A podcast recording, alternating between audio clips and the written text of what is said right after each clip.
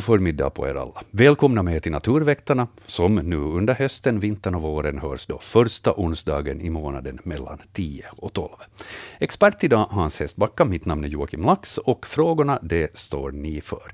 Vi har en hel del e-post som har kommit in här inför sändningen med frågor och eh, mer lär det komma under sändningen. natursnabelayle.fi är ju adressen.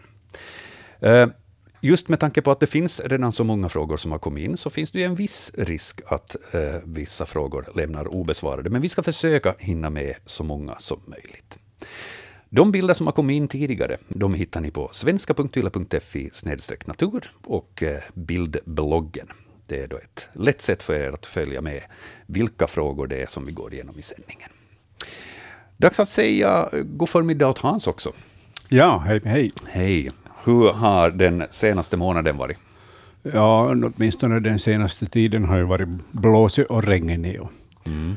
Det är ju otroligt mycket vatten i markerna och, och också i alla bäckar och år är ju alldeles till bredden fyllda med vatten. Hur kommer det här att eh, påverka naturen om det är så här mycket vatten i marken och så ett, tu, tre kommer det rejäla minusgrader eller någonting sånt? No, då får vi en ordentlig tjäle i marken, men att jag tror inte på det. Inte. Jag tror nog vi måste lida med den här svarta, blöta vintern igen. Det här är ju tyvärr, enligt mitt tycke, kanske den mera tråkiga delen av året, just då det är mörkt och bara blött och sådär ruggigt. Ja, det är mycket bättre om vi har fem centimeter snö på marken och minus fem grader, så då har vi ju ett härligt väder. Ja. No, den som väntar får se, på samma sätt som med olika valresultat och sånt. Man, man måste helt enkelt bara följa med i läget. Ja. Um, vi fick uh, in en hel del frågor förra månaden också. Eventuellt uh, så har vi skäl att återkomma till någon av de frågorna här också senare under sändningen. Men nu främst så ska vi koncentrera oss på de frågorna som vi har fått in till den här månaden. Um, Andra sätt att nå oss annars, förutom den här e-posten natursnabelayle.fi, så är ju också då vårt telefonnummer 0611 12 13 som ni kan börja ringa småningom. Vi kommer inte att ta samtal riktigt ännu, vi ska titta till bildbloggen här först. Um, och uh, första bilden, helt enkelt, uh, som vi hittar där, så är en bild som Peter i Chimito har skickat in. Um, han fick syn på en brun huggorm, cirka 20 centimeter lång. Och Peters fråga angående den här huggormen är helt enkelt, eh, kommer den att hållas så här brun, eller blir den mörkare med åldern? Och jag kan ju förstå på sätt och vis hans fråga, alltså, snacka om brun orm, det är nästan så att den eh, går så där i, i rälligt brun på något vis. Ja, otroligt fin bild på, på en huggorm. Och, och eh, kraftigt brunfärgad. Mm. Uh, Mycket ljusare än vad jag på det viset har sett tidigare på huggormar, men de förekommer mm. ju i väldigt många olika färgvariationer. Ja, och sen så lyser solen på den här huggormen också, och det ger ju en extra lyster då åt, åt den här bruna färgen. Mm. Den kommer nog att uh, förbli brun. Det gör den nog. Det är inte så att de på något vis skiftar i färg under sin livstid? Nej, åldern har ingen betydelse, utan det är nog mm, den färgen är, genetisk. De med, föds med en viss färg mm. på kroppen och behåller den. Hur fungerar det där riktigt? Är det så alltså att, eh, nu vet jag inte om det här är en hona eller hane, men vi leker med tanken att det är, att det är en hona. Mm. Och en så här brun huggorm då får ungar, kommer de också då fortsättningsvis att ha den här färgen, eller kommer de att... Det beror på vad, vilka färganlag fadern har. Uh, vilken som dominerar så kan jag tyvärr inte säga. Mm. Uh, jag skulle tro att grå dominerar över, över brun i så fall. Men det betyder då alltså att i, i samma nu vet jag inte, talar man om kull då det handlar om, mm, om, om ja. ormar. Eh, det förekommer färgvariationer inom, bland dessa, liksom i så att säga samma familj då? Ja, det borde det göra eftersom uh, anlagen kan, kan variera. Uh, men jag är inte riktigt insatt i det där, men, men mm. teoretiskt sett så borde det vara så att en hona kan få ungar med olika färger. Ja. Riktigt vackert fotografi som Peter har skickat in. Vi tackar för det. Och eh, gå gärna och titta på den på svenska.yle.fi natur. Nu är ni förvarnade, ni som har problem med att se bilder på huggor, för jag vet att ni finns där ute. Uh, vissa kan tycka att det är nog så ruskigt att klicka upp en sån här bild. Ja, Okej, okay, men där, första frågan besvarad. Vi är igång med mm. Naturväktarna för november månad. Um, det står inte när den här bilden är tagen, men jag får väl nästan anta att den kanske är åtminstone någon vecka gammal. För hur är det med huggormarna den här tiden på året? Är det nu så pass kallt så att de har, de har sökt sig iväg för att övervintra? No, vi har ju haft åtminstone på våra breddgrader här i Vasa så har vi haft en par små köldknäppar. Och det betyder nog att ormarna eh, har dragit sig ner i marken i god tid. Mm. De styrs ju också förstås av dagsljuset, eh, dagsljusets längd. Och, och när, när dagarna blir kortare så, så uh, söker sig de automatiskt till de här övervintringsställena. De har ju också sin inbyggda biologiska klocka som, gör, som de följer. Då. Så att allt har nog bäddat för att de har gått i dvala den här tiden. Ja. Vi är ju inne i november i alla fall. Just det är hög tid för dem att gå och lägga sig. Mm. Mm. Vi ska titta till följande. Um, det blir lite mindre krabater uh, jämfört med den här huggormen.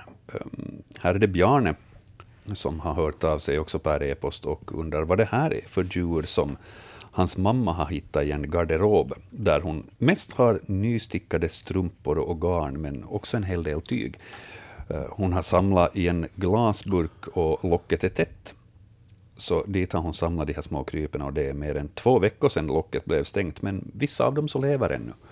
Ehm, ska vi börja med att eh, försöka klura ut vad det här är för små krabater och sen övergå till följdfrågan som Bjarne också har skrivit, hur ska hon få bort dem? Mm. mm. Ja, de här eh, övervägande bruna larver som har uh, en liten tofs av spröten i stjärten. Ja. Och omkring en, en halv centimeter långa. Mm, vissa kanske lite större till och med, men ja, ja halv centimeter. Halv centimeter lite till, ja.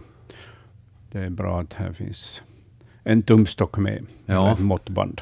Ja, det, det underlättar. Det underlättar, ja.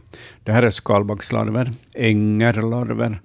Och om jag lyckats artbestämma dem rätt så är det pälsängerlarver. Ja. Och de lever bland annat på tyger, textilier. Så det passar ju bra att de bra och bra, men att jag förstår att de finns i garderoben där det finns tyger och, och, och eh, nystickade strumpor och sånt. Är det alltså så att eh, det finns en risk för att nystickade strumpor kommer att få lite extra hål? Det finns den risken ju också, att tygerna blir uh, lite ätna av de här larverna. Det blir sen skalbaggar av dem så småningom när de har ätit färdigt och vuxit färdigt, så förpuppar de sig och, och, och sen kommer då små skalbaggar ut dem, mm. som för släktet vidare. Ja. Hur, hur ska man... Vi, vi, brukar ju sällan i Naturväktarna prata om hur man ska bli av med djur. Vi, vi brukar försöka undvika det. Men, men kanske vi i det här fallet åtminstone kan diskutera vad man kan göra för att minska på antalet eller hålla dem borta från, från sina tygsamlingar och, samlingar och garnpåsar och, och liknande. Ja, nu är det dammsugaren som gäller. Damm, det är nog bäst att, att städa ur den här garderoben ordentligt och damma av tygerna där ute så att de här larverna faller av. Mm. Så det är den enda möjligheten, skulle jag säga. Är det så att det i princip skulle räcka med att det lämnar en larv kvar och så har man sen samma problem på nytt efter Nej, ett tag? utan det behövs åtminstone två skalbaggar för att göra nya mm. larver. Så det här, kommer man ner till en larv så har man vunnit. Ja. Och, Men det här är ju alltså, när de en gång kan fångas på det här sättet, så är det ett bra sätt att man vartefter man ser dem så plockar man bort dem också. Ja. Och sen givetvis att man dammsuger garderoben ordentligt. Mm. Och som i det här fallet så har ju Bjarnes mamma då samlat dem i en glasburk redan, så hon har ju påbörjat städjobbet på Ja. det viset. Mm. Men okej, då noterar vi där pälsängrar och eh, tipsar om att, att helt enkelt göra en stor städning där i garderoben för att bli kvitt problemet. Eh, Det kan jag säga åt er alla som är inne i bildbloggen och tittar på de här bilderna. Och sånt. Jag kommer att uppdatera den an efter, men främst efter vår sändning, då Naturväktarna är slut för idag, där efter klockan 12. Så då skriver jag in svaren som vi har kommit fram till och eh, uppdaterar på det viset bildbloggen. Så då kan man gå efteråt också och titta, att vad var det vi kom fram till nu att det, det eventuellt rörde sig om för djur. Uh, Bjarnes bild om pälsängrar, så den har vi då med andra ord behandlat. Hörni, vi kunde tänka oss att ta vårt första samtal för den här förmiddagen. Det har blinkat redan lite på tråden här, men jag ska tipsa igen om att telefonnumret hit till studion är alltså 0611 12 13. Och eh, det går riktigt bra att ringa här nu. Eh, om inte telefonen börjar blinka inom kort, så då kommer vi att gå över till följande fråga här i vår bildblogg, och då tror jag att vi gör det. Uh, här är det Nisse som har skickat in ett videoklipp eh, till redaktionen. Och uh, det här videoklippet så visar arbetsamma getingar, han skrev här bålgetingar, men vi kan diskutera det, eh, i Lemland på Åland. Och han förstår inte riktigt deras bygge.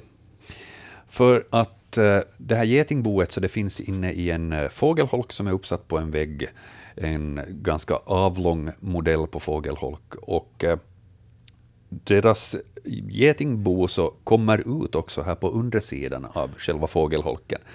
Um, och han förstår inte riktigt hur de bygger på det viset för att det liksom kommer ut genom en springa i botten.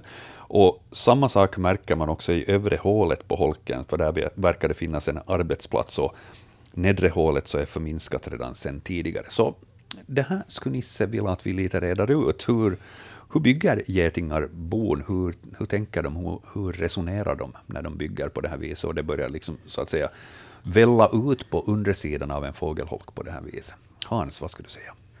Ja, det är klart att de har skapat ett livskraftigt samhälle här inne i den här fågelholken och, och, och den har förökat sig, alltså arbetarantalet har, har ökat tillräckligt för att de ska kunna expandera ordentligt. Och, och när det finns många arbetare som bygger, så bygger de först håligheten full, och sen när det inte finns något mer utrymme så fortsätter de att bygga på utsidan. Så det är den här byggivern som har fått dem att, att utvidga boet till utsidan. Det är ju inte så fiffigt, men att de har den här ivern och aktivitetsbehovet kvar och, och fortsätter givetvis att bygga. Mm. Om det skulle finnas på en vind, eh, om det här getingboet skulle finnas på en vind, så då skulle de ha fritt, ut, fritt fram att, att ut, utvidga sitt bo ordentligt. Men här har ju då fågelholken satt sina begränsningar. Ja. Ja, och då blir det till nödlösningar i form av det här att man, man bygger ut lite neråt helt enkelt. Ja. Mm. Hur stort kunde man tänka sig att de bygger ut på det här viset här ner till? Jag menar, i något skede så måste de ju märka att, att boet är på något vis ganska oskyddat ja. och är mera utsatt för, för väder och vind. Ja, och sen, sen kan det hända att, att uh, någon tapper fågel kan hit, upptäcka det här och vågar hugga in på det, speciellt talgoxe, som, som är otroligt framfusig eller modig av sig och, och undersöker allt som den kan undersöka. Så jag kan tänka att en talgoxe mm, skulle kunna börja hugga in på det här, bara den är säker på att inte bli stucken av de här getingarna. Mm. Men det finns talgoxar som klarar av det. In i, in i holken så vågar inte en talgoxe ta sig när, när det finns getingar där, men så här på utsidan så kan den nog börja knappra på det här och söka efter larver, getinglarver. Mm. Det finns ju fåglar som, som är ganska tappra just då det gäller att, att äta bin och, och liknande. Mm, mm. Men det är väl sådana som inte kanske förekommer lika mycket på våra breddgrader. Jag- har för mig att vi, har, vi har haft besök här under, under året. Ja, av biätare. Ja, Ja. Och de är specialiserade bland annat på bin och getingar. Och, och de skulle inte ha någonting emot att, att patrullera här vid den här holken och snappa åt sig. nej. Men eh, vi, har ingen, vi, har, vi har ju en, en fågelart som, som eh, är specialiserad på getingar och, och humlor, och det är ju bi, bivråken Mm. som eh, kan plundra sådana här bon när de finns i marken. Och då gräver den fram den, de här bona, eller sen då om de hänger fritt, som en del getingbon gör, på en gren. Men det är den enda fågeln som, som är verkligen specialiserad på de här stickande insekterna. Talgoxen nämnde du här Ja. eh, nyss. Vi ska återkomma till den om en liten stund. Mm. Vi har fått in frågor om talgoxen, men vi har eh, förmiddagens första samtal, så vi får säga hej på dig. Vem är det som ringer? Är det jag som är här nu? Ja, det är det. Hör du, ja, det är Barbara Östman från Vanda. Hej, men Hejsan. Ingo under somrarna. Ja. Jag lyssnade på det här som ni sa om huggormar och att vi har genetisk färg. Mm. Jag blev lite konfunderad och betvivlar det faktiskt lite. Kanske, jag har säkert fel för jag är inte biolog. Men det där, jag har märkt att vi har bruna huggormar där vi har eh, där vi samlar löv i utkanten av, av huset där det också finns stenrös som med lite sådär bruna, Ja. brunaktiga stenar. Så jag har liksom tänkt mig att vi har skyddsfärg. Mm. Kan det stämma? Ja, det kan ju... um, Alltså att en huggorm, brun huggorm sök, söker sig till bruna löv så är ju ganska naturligt. För då syns, Ja. då syns det ju inte lika bra. Jo, jo, för det var alldeles tydligt huggormarna, det zigzag. Ja. Ja, och, och på vårarna så brukar ju huggormar ligga och sola sig på stenar till exempel. Och, och de här eh, grå, gråfärgade huggormarna så syns ju ganska dåligt på de här stenarna, gråa stenarna med lavar, medan då svarta syns mycket bra. Jo, jag, jag har några foton på svarta huggormar. Ja. Jag vet, men, där men alltså är det för att vi har, de vet om att vi har den här bruna färgen som söker sig till det här bruna, att vi känner det på sig. Det är inte liksom en skyddsfärg, utan det är faktiskt genetiskt. Ja, det borde, det borde alltså uh, det naturliga för, för en, en, en brun huggorm är att söka sig till brunt underlag för att inte synas så bra. Okej, Ja, det men- då. Men det, det är bra att du tvivlar på, på, på att färgen är genetisk, så ska, jag ska läsa vidare på det där, men att så här långt så håller jag i alla fall fast vid att, att bru, eh, färgen är genetiskt betingad. Okej, Mm. okej. Då Ja. måste jag bara konstatera att det är ett smart djur som Ja, vad den har för färg. Hur kan de veta om det? Ja det, kan, det kan vi inte veta, därför att vi kan inte prata med de här djuren, men att eh, Nej, det kan vi inte. Mång, många djur som så, eh, uppträder, vi, som vi skulle säga, intelligent. Alltså de, de uppträder på ett sådant sätt, eh, beter sig på ett sådant sätt att de får en större överlevnad. Och, och det är ju eh, det smartaste sättet de kan leva på med tanke på att föra arten vidare sen. Är det Ja, alltså det så att- logiskt. Ja. Ja. Är, det, är det så att det alltså sker ett naturligt bortfall ifall en brun huggorm envisas med att ligga på gråa klippor? För då blir den snabbare upptäckt och uppäten. Så att det är inte Ja. egentligen Ja. ett smart val, utan det är ett dumt val för de som är på fel ställe, så att säga. Ja, men vi, vi kan inte veta exakt det där, Ja. eftersom vi inte kan kommunicera med dem. Men, att, eh, men det finns... Det, det Ja, är ju- men det var, det var bra att veta. Det är en Ja. sällan jag har sett de här bruna huggormarna Ja. nämligen. Mm. Jag är säker på att det var en huggorm. Jo, jo. Nej, men bra att veta. Mm. Hörru, Ja. tack för samtalet. Det är alltid intressant att, att man ifrågasätter våra experter och så får Jo. man diskutera ärendet vidare. Hej, hej. Ha en bra dag, hej.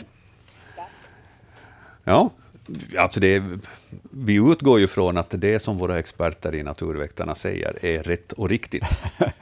Ja. Men det är Mm. fritt fram att ifrågasätta och, och ställa följdfrågor. Ja. Vi ska se vad följande eh, samtal för med sig. Vi säger eh, god förmiddag. Välkommen till Naturväktarna. Tack, tack. Vem är det som hör av sig? Eh, Det är Iris här från Åland. Hej Iris.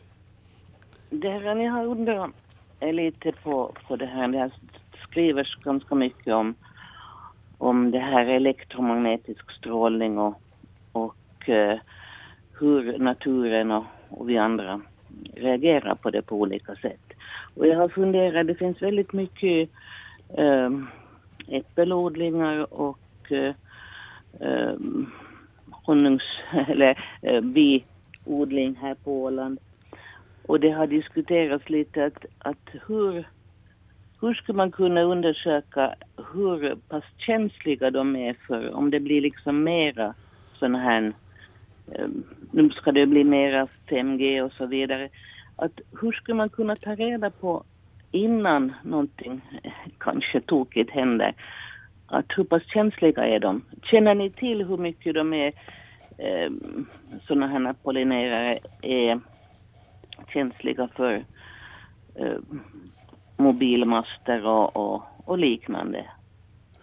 Nej, tyvärr så, så känner jag inte till hur det är med, med den här elektromagnetiska strålningen som finns eh, och hur de påverkar insekterna.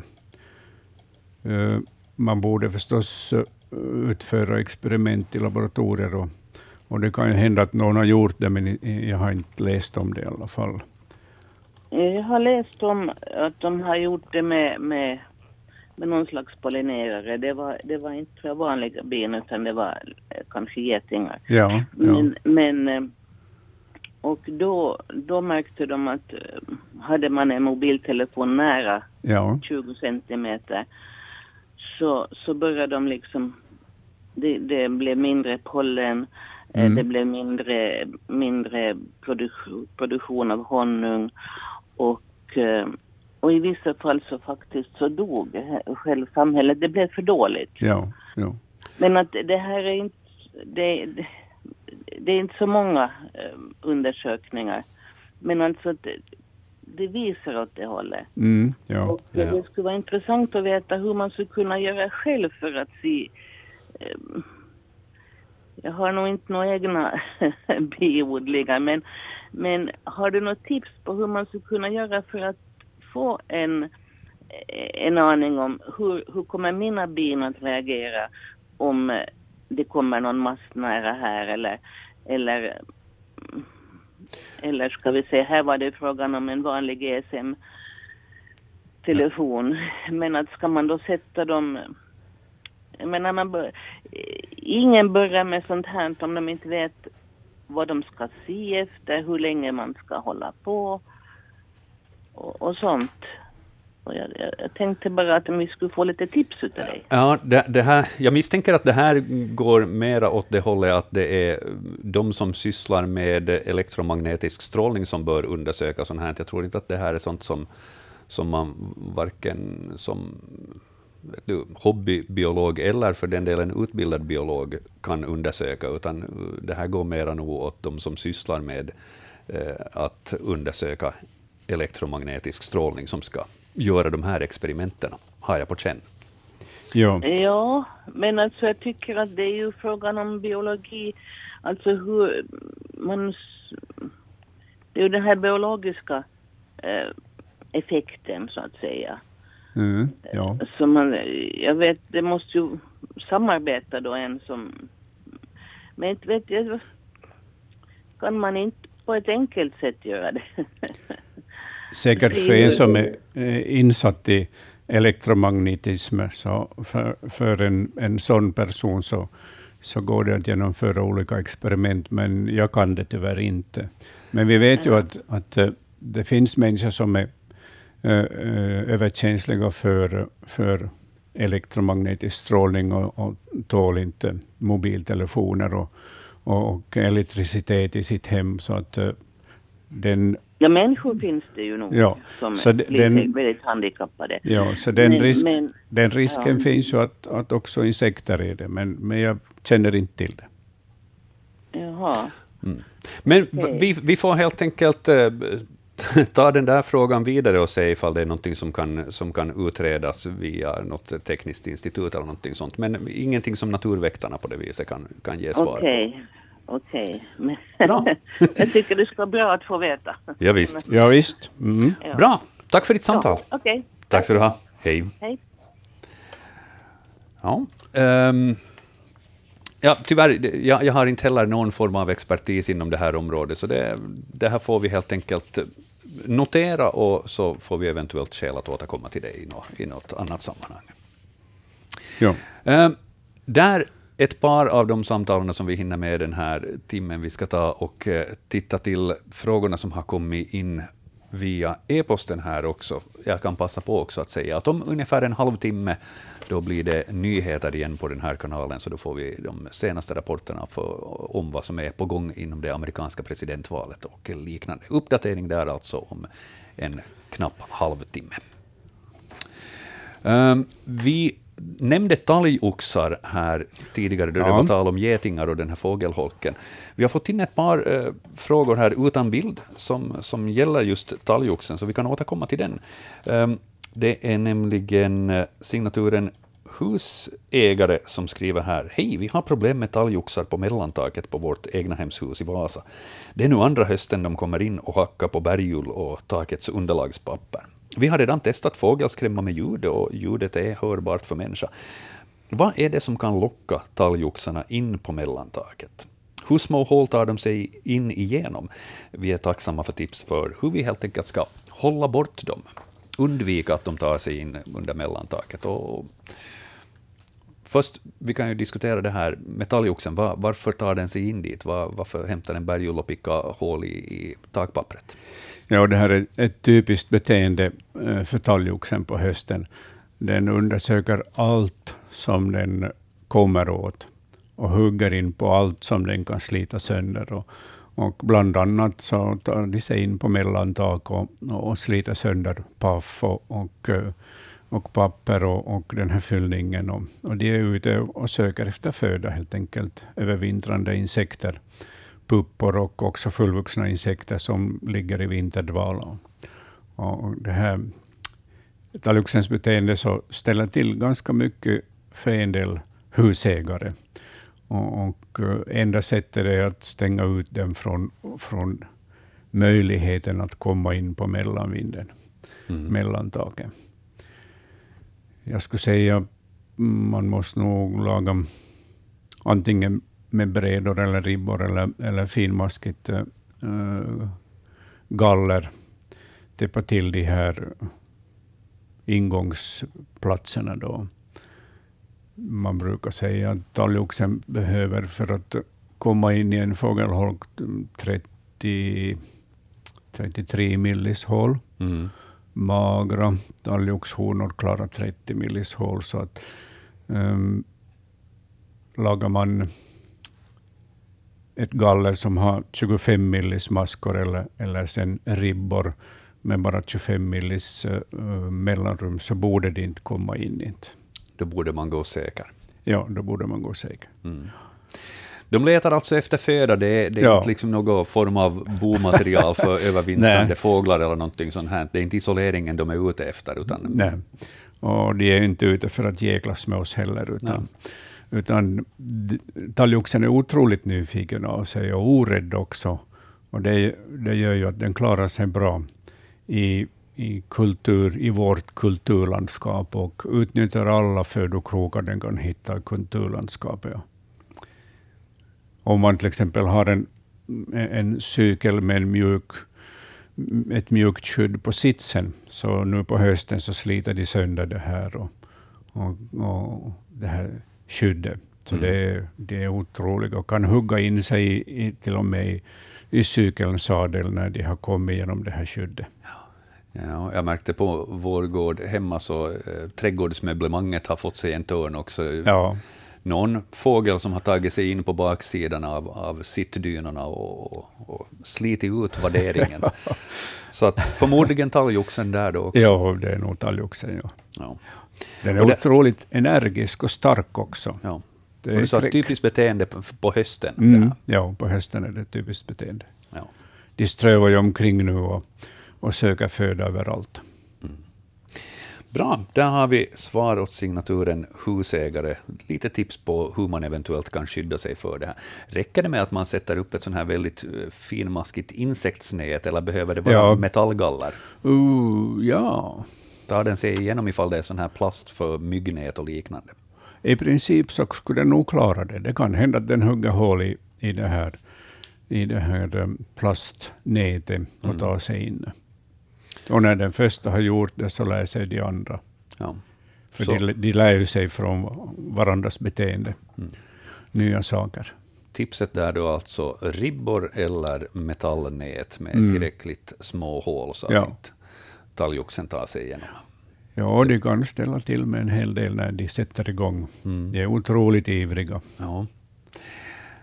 Där vårt tips för signaturen husägare. Vi tittar vidare fram och tillbaka i bildbloggen då, där vi kommer fram till bild nummer fyra.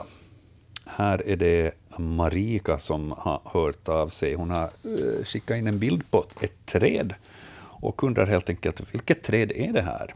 Det är flera långa, smala stammar, ljusa blad och eh, hon kan också notera att det här trädet fick löv väldigt tidigt på våren, som ett tips. Ehm, vi har tittat på den här bilden och, och försökt eh, titta på, på bladformen och liknande, och i det här skedet som trädet har fotograferats så, så har ungefär hälften av löven gulna, hälften är fortsättningsvis gröna och träden runt omkring så är förhållandevis kala.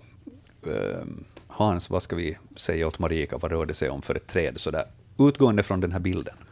Ja, mest av allt ser det ut som sälj, Mm. alltså en videart. Uh, säljen växer ju sig eh, till trädhöjd, alltså blir träd. Och, och eh, finns här och där um, i skogen och också i skogsbrun på våtmarker, i kanten av våtmarker. Och, och det är en otroligt viktig eh, blommande växt under våren eftersom den producerar mycket, mycket det här eh, pollen eh, och åt eh, bland annat humlorna som ska bygga eh, nya bon. Så att eh, sälj skulle jag säga det här och de kan ju växa på det här sättet flera tillsammans, tätt tillsammans eller sen bara en sälj som, som det här eh, blir ett eh, relativt högt träd och kraftigt träd. Mm. Det här är sälj och andra videarter så ska man ju alltid spara där det bara är möjligt, till exempel vid, vid röjningar och avverkningar, därför att det är ett sånt här nyckelträd i, i naturens ekologi. Då ska vi hoppas att Marika låter säljen stå. Eh, sälj noterar vi och skriver in i bildbloggen här genast efter sändningen. Eh, telefontråden eh, blinkar. Vi får säga god förmiddag. Vem är det som ringer och hör av sig? Nå, det är Gösta Stefansson från Sibbo, hejsan. Hejsan. Vad kan vi hjälpa dig med? Ja, det där ett intressant fenomen som, som, som jag upptäckte nu först i fjol redan, men, men, men starkare i år än och, och det är ett, ett, ett som jag inte tidigare har, har liksom som jag tidigare kommit på, så det är flyttfåglarna som flyttar om, om sent om kvällen. Och det var en kväll nu när vi var ute med frun och gå så ganska disigt och mörkt var det ju förstås och, och lite blåsigt och så får det, hörde man bara hur det får sådana flyttfåglar. Hur är, det, hur är det möjligt att de flyger i mörkret eller är det vanligt? Eh, Det är vanligt att många fågelarter flyttar i mörkret. Ja, Så att det finns utpräglade nattflyttare. Eh, Trastar och andra småfåglar är utpräglade nattflyttare, medan till exempel då svanar och gäss kan flytta både på dagen och på natten. ja. Så, Det är precis som vitkindade gässor lite och det var massor, massor Ja. for och jag sa att hur är det möjligt att de på natten sticker iväg? ja. Ja, och när de, orienterar sig? de är, fåglar är skickliga att, att eh, ta ut rätt kompassriktning. Ja. Och, och, eh, fast det är mulet så kan de också flytta för att då de har eh, magnetsinne i sin skalle som leder dem rätt. Ja, jag har berättat åt några sådana, nej det är inte möjligt att fåglarna flyttar om natten, så här, men inte kan man höra så mycket fel kan man inte höra när man tydligt och klart hör att det, Ja. det är stora, stora mängder som far iväg. Ja, hö- höstnätterna brukar vara fyllda med flyttande fåglar. Ja, så säger nu ska jag nog ringa naturväktarna och höra att, Ja. hur vanligt är det och, och tack, tack, för, tack för svaret bekräftelsen. Ja. ja. Bra, är det Fint. vi som ska tacka Ja. för samtalet. Tack, tack, god Bra. fortsättning. Detsamma. Jo, hej. Tack, hej. hej, hej. Man har ju gjort radarstudier på, på flyttande fåglar just på kvällarna och nätterna och konstaterat att de har en ganska sån där exakt tidtabell när de flyger iväg och börjar sin flyttning. Så att det är eh, väl dokumenterat, inte bara med syn och hörsel, utan också med radar. Mm. Så det, här det är ett intressant fenomen, men det lönar sig att flytta på natten. Det brukar vara lugnare väder på natten. Och så finns det inte just någon risk att de ska falla offer för rovfåglar. Eh, Och sen när de flyttar på natten så kan de vila och äta på dagen. Mm. Och äta behöver de ju göra allt emellanåt. Ja. Och sen, som jag själv brukar, brukar resonera ifall det är så att man ska åka iväg någonstans, att kör man kvällstid, nattetid, så det är mindre trafik, det är lättare på det viset att, Ja, att men det gäller, inte, det gäller inte de flyttande fåglarna. Det kan bli en ganska livlig trafik där uppe i lufthavet. Ja. Ja, Om alla väljer att åka nattetid, ja. ja det är sant. ja. Ja, Men det är ett intressant fenomen. mycket bra fråga vi fick in där, vi tackar för det samtalet. Hörni, 17 minuter i jämn timme. Vi hinner med några frågor från bildbloggen här ännu innan vi ger över till nyheterna. Vi ska titta till fråga nummer fem. Det är Rickard som har hört av sig och undrar. Han har skickat in en bild här på en dagmask bland lite eh, ris och, och eh, barr och, och gräs och sånt. Och eh, frågan är helt enkelt, dagmasken, när går den i ide? Vad ska vi svara åt Rickard? Ja, först när det fryser till. Eh, senast igår när jag var ute och vandrade så såg jag många dagmaskar som hade krupit upp på marken på grund av allt regn. Så de är fortfarande aktiva. Eh, i, i, inte lika aktiva st- förstås som när det är varmt, för att de har ju, de har ju samma kroppstemperatur ungefär som omgivningen, så de, de eh, rör sig långsammare, men de är fortfarande aktiva. Men sen när det fryser på och, och marken eh, blir hårdfrusen, så då börjar de sakta mak krypa neråt. Och de kryper neråt så pass mycket så att de alltid undviker den här kelen som bildas i marken, för att de inte själva ska frysa ihjäl. Mm. Och är det riktigt tufft så kan de gräva ner sig till en och en halv meter och klara sig på det sättet. Ja, de ska djupt ner, och som vi var lite inne på här i programmets början, då, då det var tal om att, att det är väldigt blött ute i skog och Mm. mark, så mm, sådana här år, ifall det är så här vått och det är ett tu tre sen fryser på, så då, då ska de ner på ett sånt djup. Då ska de nog ner för att, för att om, om, om det fryser på ordentligt och inte kommer något skyddande och värmande snötäcke, så då, då avancerar ju kelen ganska snabbt neråt. Mm. Visserligen det stiger ju värme uppåt underifrån, så att det motarbetar ju till en början den här kelen. Dagmaskar, ifall de fryser till, låt oss säga att de blir helt djupfrysta, är, de, är det en före detta mask i så fall? Av vad jag minns så dör de av det, jo. Mm. De fryser sönder de här cellerna. Det är därför de söker sig ner på frostfritt djup. Ja. Dagmasken producerar inte någon sån här etanolliknande blandning? Nej, det gör inte inte. Många insekter så, så koncentrerar ju sina, sina det här salter i cellerna, så att de, de, de fryser inte de här cellerna, medan då vattnet som pumpas ut mellan cellerna så kan frysa, men det skadar inte cellerna på något sätt. Och, så de kan ju höja, de kan också höja på andra sätt sin, sin eh, salthalt i, i, i, i kroppen för att inte frysa. Så Mm. de har sitt eget glykolsystem. Ja. Men icke dagmaskarna, utan de, Nej. de får helt enkelt leda sig ner till så pass eh, stort djup så att de, de klarar sig undan tjälen. Och, och sen då också hoppas att det kommer som sagt ett isolerande snötäcke som ser till att inte de hamnar på, under fryspunkten. Där. Jo, dagmaskarna är ju de, annars de viktigaste småkrypen vi har i marken. De omsätter ju otroligt mycket material och, och eh, tar ner mycket växtmaterial. Nu på hösten bland annat så, så har de dragit ner mycket, mycket löv som de sen sakta mak tuggar i sig. Och, och sen med avföringen så kommer då en sån här gödslande massa ur dem. Man ser ju annars de här eh, svarta avföringspärlorna på marken nu på många ställen, när de har varit uppe också och tömt sig mm nattetid. Ja. Så det, sen luftar det ju marken också, de här, de här dagmaskarna, så de utför ett otroligt viktigt jobb. Varför är dagmaskarna uppe nattetid och tömmer sig? Är det för att undvika de här flyttande fåglarna som är väldigt aktiva då och trafikerar natthimlen? Ja, ja. Det, är, alltså det är ju ett skydd. Ja. Eh, dessutom tål det ju inte UV-strålning, de här dagmaskarna. Och, och, eh, och, så torkar de snabbt ut också, så det är, det är nog utpräglade nattdjur. Mm.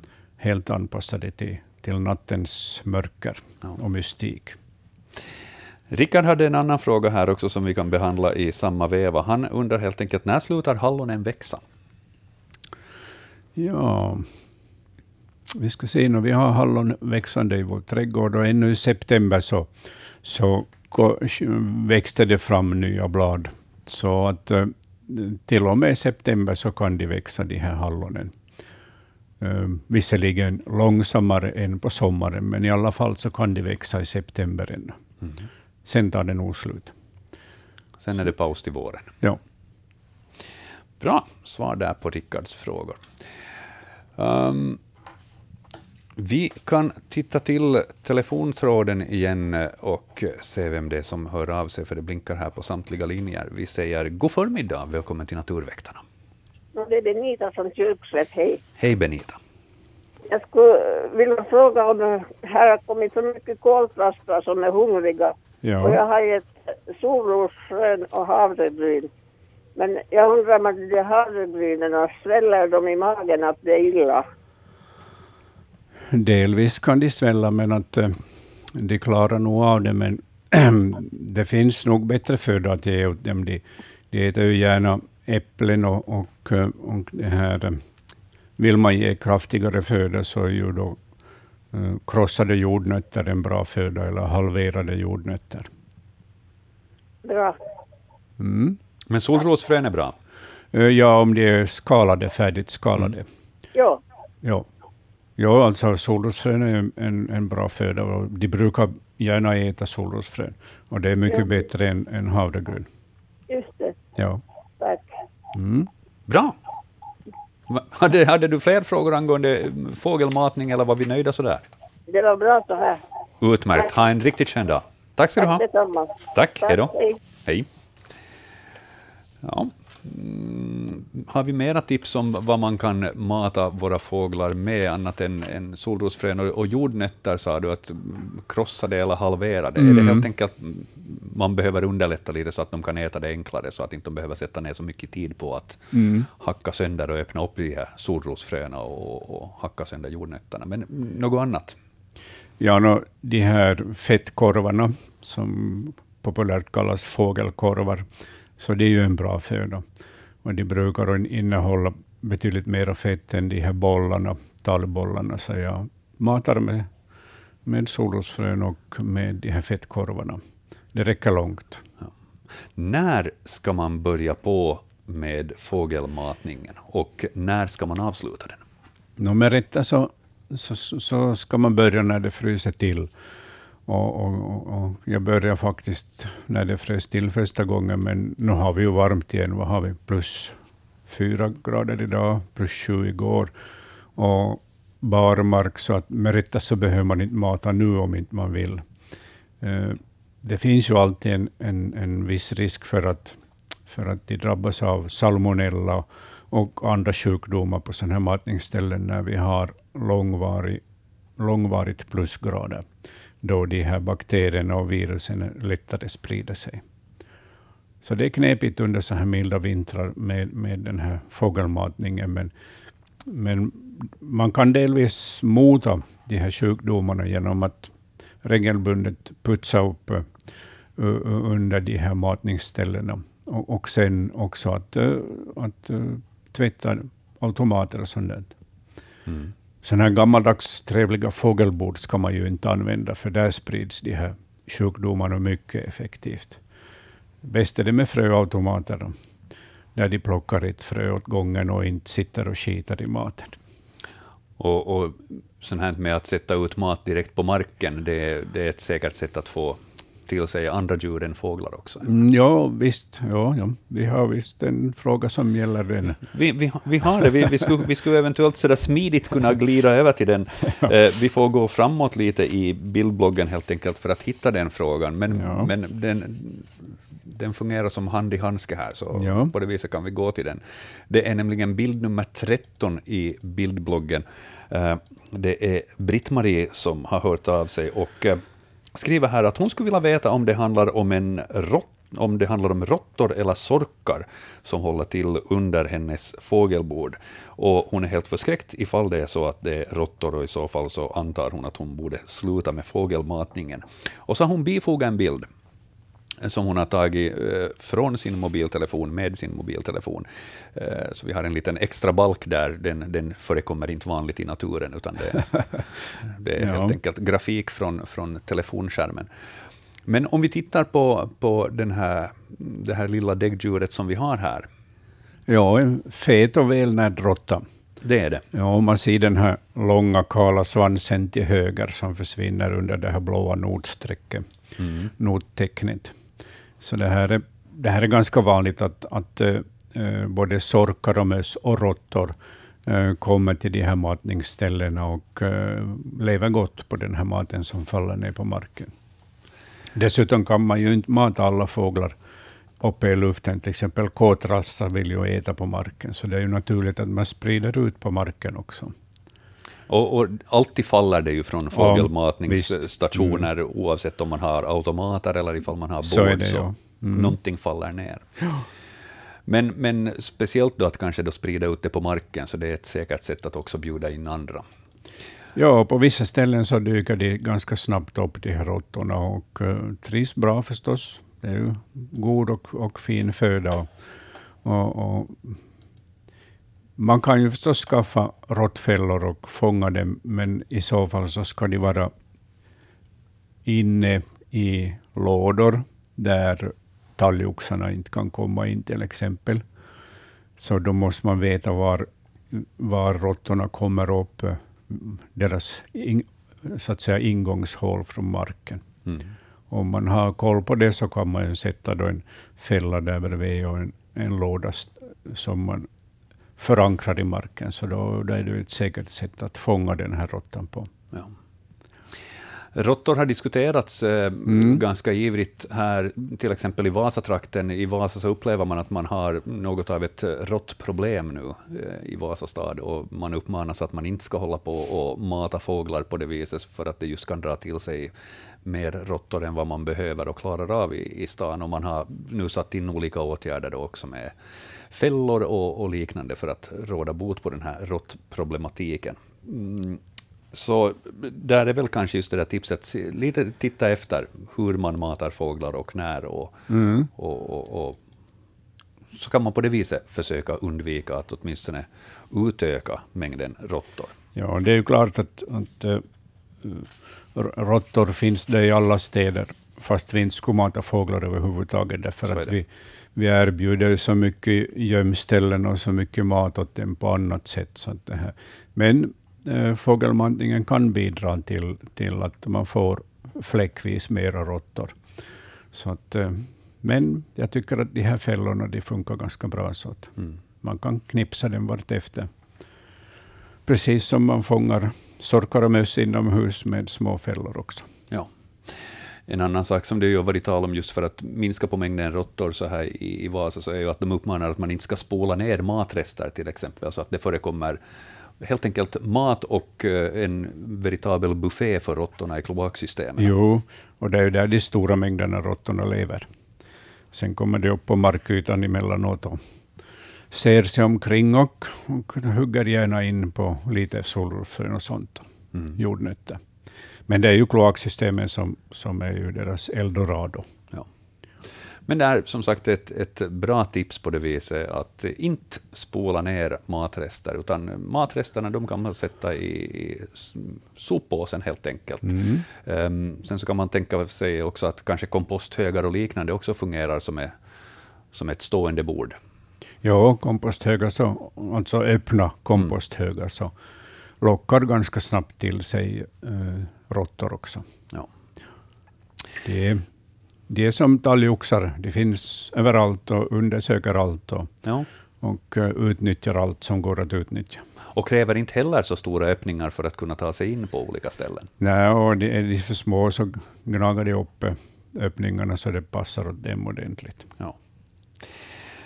Nåväl, eh, svar åt eh, Britt-Marie där om hennes bild som hon har tagit under fågelbordet. Ja, det är en råtta. Då ska vi eh, bläddra tillbaka lite i bildbloggen så att vi håller ordningen så det på ett ungefär i varje fall. Eh, vi hade tittat på eh, bild nummer fem där alldeles nyligen med Rickards dagmask och nu är vi framme vid bild nummer sex i bildbloggen. Eh, frågan som vi har fått in mm, i och med den bilden så är från Carita i Dalsbruk. Eh, hon har eh, tagit en bild med en viltkamera har jag på känn. Och eh, här till vänster i bilden, framför en rotvälta, så syns det en trastliknande krabat, en gråbent fågel. Och hon undrar helt enkelt vad är det här för en fågel? Inte är det väl någon liten hök, eller? Ehm, tyvärr så tittar den ju bortåt, så man, man ser inte på det viset huvudformen, man ser inte näbben ehm, och andra sådana kännetecken ehm, från huvudet. Men, men utgående från det som vi kan se på bilden, vad skulle du säga Hans att det här rör sig om? Om vi till exempel kan beskriva kroppen lite. Ja, ja Carita frågar också om det kan vara en björktraste. Ja. Och, och uh, det är alldeles tydligt att eh, profilen är en trastprofil.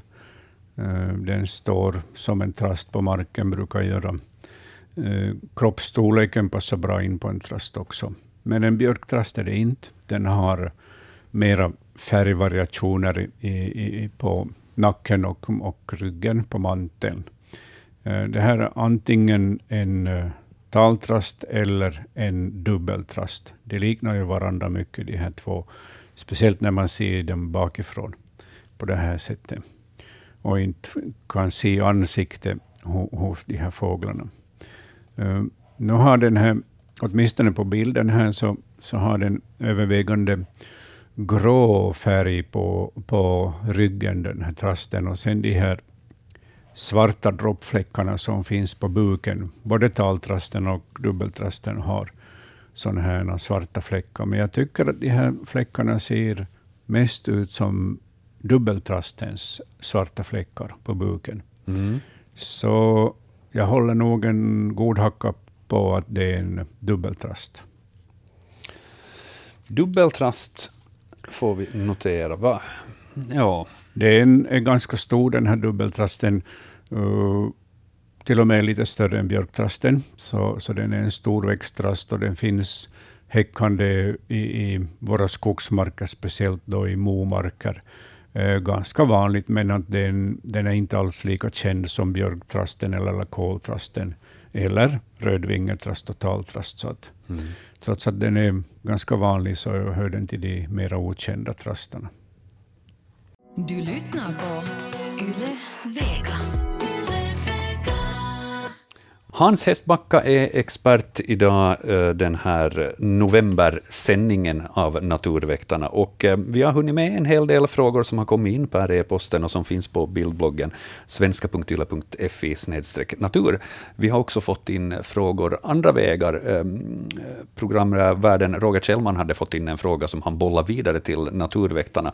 Eh, det handlar om om man, har anlagt en, eh, om man anlägger en stenrabatt och vill flytta på, på växter, om man vill flytta på någon buske eller något träd eller liknande, När ska man flytta på dessa växter? Ska man göra det på våren, eller ska man göra det på hösten, eller rent av på sommaren? När, när är den mest lämpliga tiden på året att flytta på växter?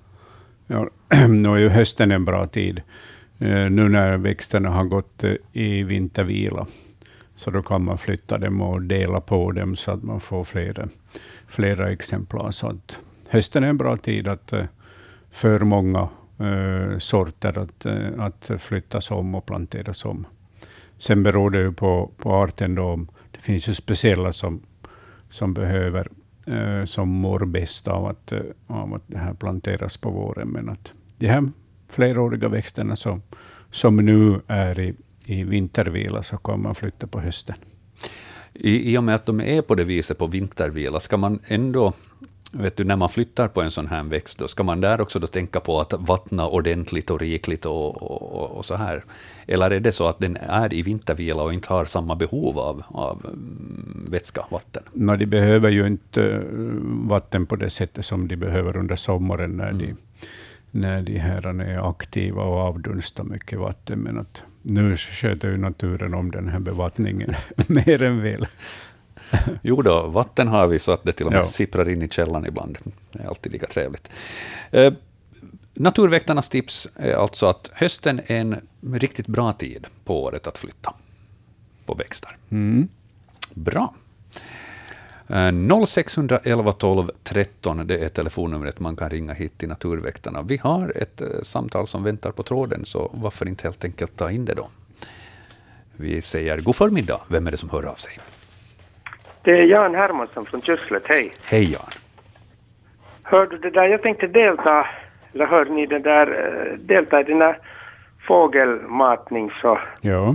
och, och gnagardiskussionen med ja. mitt eget inlägg. Visst, välkommen. Ja, och, och maskarna hör dit också. Ja. Så jag har nämligen, jag hoppas att inte kommunens karlar lyssnar, men jag har en sån här så, så kallad olaga kompost. Men jag sköter den väldigt bra, den brinner het och, och där är inget animalisk föda utan det är bara växt och växtmat för att hunden äter upp all, alla animaliska rester som vi har. Ja. Så, så det där, den fungerar på vintern när den är smält så, och där är mycket maskar så jag har liksom tröstat mitt samvete med att jag matar fåglarna med maskar. Ja. Och jag, jag tror faktiskt att där är, jag har inte, den är ett långt stycke från huset så jag, jag har inte följt med men där är nog bland annat trastar tror jag och andra fåglar också. Det skulle vara intressant att veta förstås vilka alla som där är. Ja. Men nu på hösten har det dykt upp sådana hål där i den. De ser ut som sorkhål men jag tycker att de är ganska, ganska sådär grunda och, och det har inte och hunden har inte reagerat heller sådär på, på några sorkdofter och sånt så det är möjligt att, att fåglarna också kan sticka in sig sådär 5-10 cent och, och ta en mask Jo, och speciellt kråkfåglar så kan ju hugga in sig i, i marken på det här. Skatorna är till exempel alltid nyfikna på att undersöka saker och ting. Just ja. Så att det är möjligt att det är skatorna eller nötskrikor eller både och som har, har upptäckt de här maskarna och, och börjat leta efter dem på det här sättet. Ja, det, men om en sork kommer in och där inte finns något annat, allt det annat har liksom eh, hållit på att brinna och uppbrunnet. Där är också utedassen inblandad. Så att är det möjligt att den kan krypa in och, och höra där maskarna rör sig? Är det min fantasi eller stämmer det?